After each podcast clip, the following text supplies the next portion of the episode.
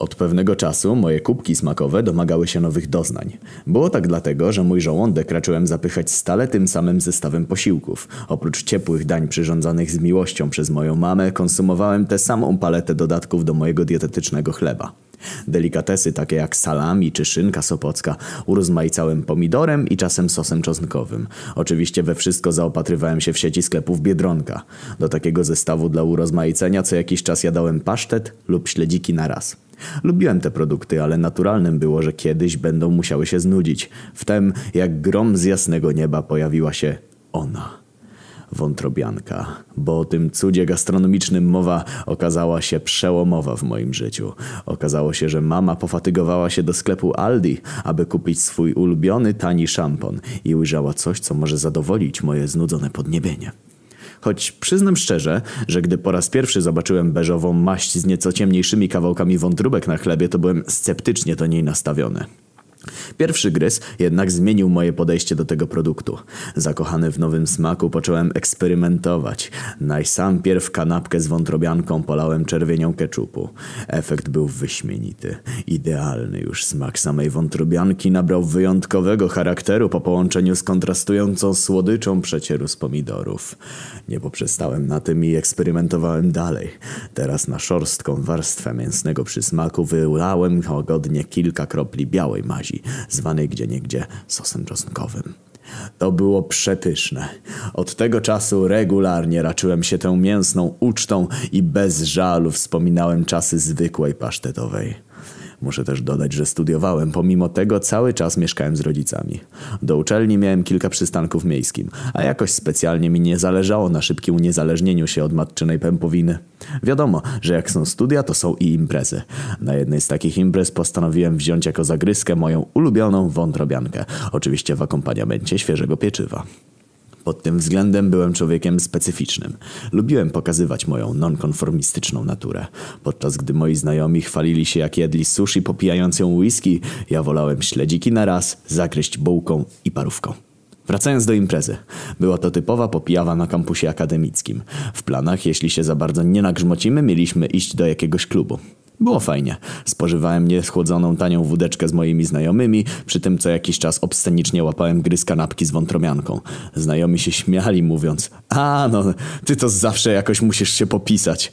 Moja radość rosła proporcjonalnie do wypitego alkoholu. Naprawdę przyjemnie spędzałem wieczór. Wtem do naszej grupki podszedł jakiś nieznajomy z sąsiedniego zgromadzenia. Już myślałem, że najebany chłop podchodzi szukając pretekstu do bitki, jednak o dziwo przyciągnęło go coś innego. Była to moja wątromianka. Koleś porównywalnie podpity co ja podchodzi do mnie i pyta Mistrzu, dasz gry za kanapki? Bo widzę, że masz na niej jakiś wspaniały specjał. Ja z dumą odpowiedziałem mu No spoko. I no nie zjedz całej. Koleś poczęstował się odgryzając dość duży kawałek, ale nie tak duży, bym mógł się o to wkurzyć. Chłopie, to jest moje ulubienie! Krzyknął, nie ukrywając szczęścia, jakiego przed chwilą spotkało. Zamieniliśmy jeszcze kilka słów w przyjaznej atmosferze, po czym on zawołał resztę swojej grupy, by połączyć się z naszą, a że w jego towarzystwie było kilka zacnych loszek, to moi kumple od razu wzięli się za podryw. Gdy ja sobie upatrzyłem tą, do której chciałem zagadać, wesoły amator wątrobianki odciągnął mnie od innych i z zachwytem zaczął mi opowiadać o jego pasji do tego wyrobu garmażeryjnego. Po chwili przyznał się się też mi, że to on napisał pastę o fanatyku wędkarstwa. Z początku nie wierzyłem, ale gdy zaczął ją cytować, zacząłem nabierać wiary, że to ten słynny Anon. Opowiadał mi, że chcą zrobić film na podstawie jego dzieła i że on się zgodził, ale nie ujawni swojej tożsamości, gdyż twierdzi, że aby ukazać się światu, musi pokazać mu swoje magnum opus, a tym byłby poemat literacki napisany trzynastozgłoskowcem na wzór pana Tadeusza, ale jego motywem przewodnim byłby temat wątromianki. Na początku go wyśmiałem, ale po chwili łzy zaczęły spływać po jego policzkach, a w jego oczach ujrzałem prawdziwe wzruszenie. Fakt, że był pod wpływem alkoholu tylko potęgował wrażenie prawdziwości jego uczuć. Zapytałem więc, co ja mam z tym wspólnego i czemu akurat mi to mówi. Stwierdził, że tylko ja, fanatyk wątrobianki, jestem w stanie zrozumieć jego stan umysłowy. To prawda, moja miłość do mięsnego przysmaku była co najmniej tak wielka jak do mojej matki. Namawiał mnie, abyśmy wspólnie zaczęli pisać to dzieło. Z przykrością stwierdziłem, że nie mam talentu artystycznego, ale będę mu w każdej chwili gotów służyć dobrą radą i otuchą. On wzruszył się jeszcze bardziej niż wcześniej, przytulił mnie i stwierdził, że stałem się jego najlepszym przyjacielem. Powiedział też, że cześć zysku, jaka trafi z ekranizacji dzieła o wątrobiance, pójdzie do mnie. Po tej intensywnym w uczucia dialogu wróciliśmy do znajomych i dalej raczyliśmy spożywać alkohol. Następnego dnia obudziłem się około godziny 18.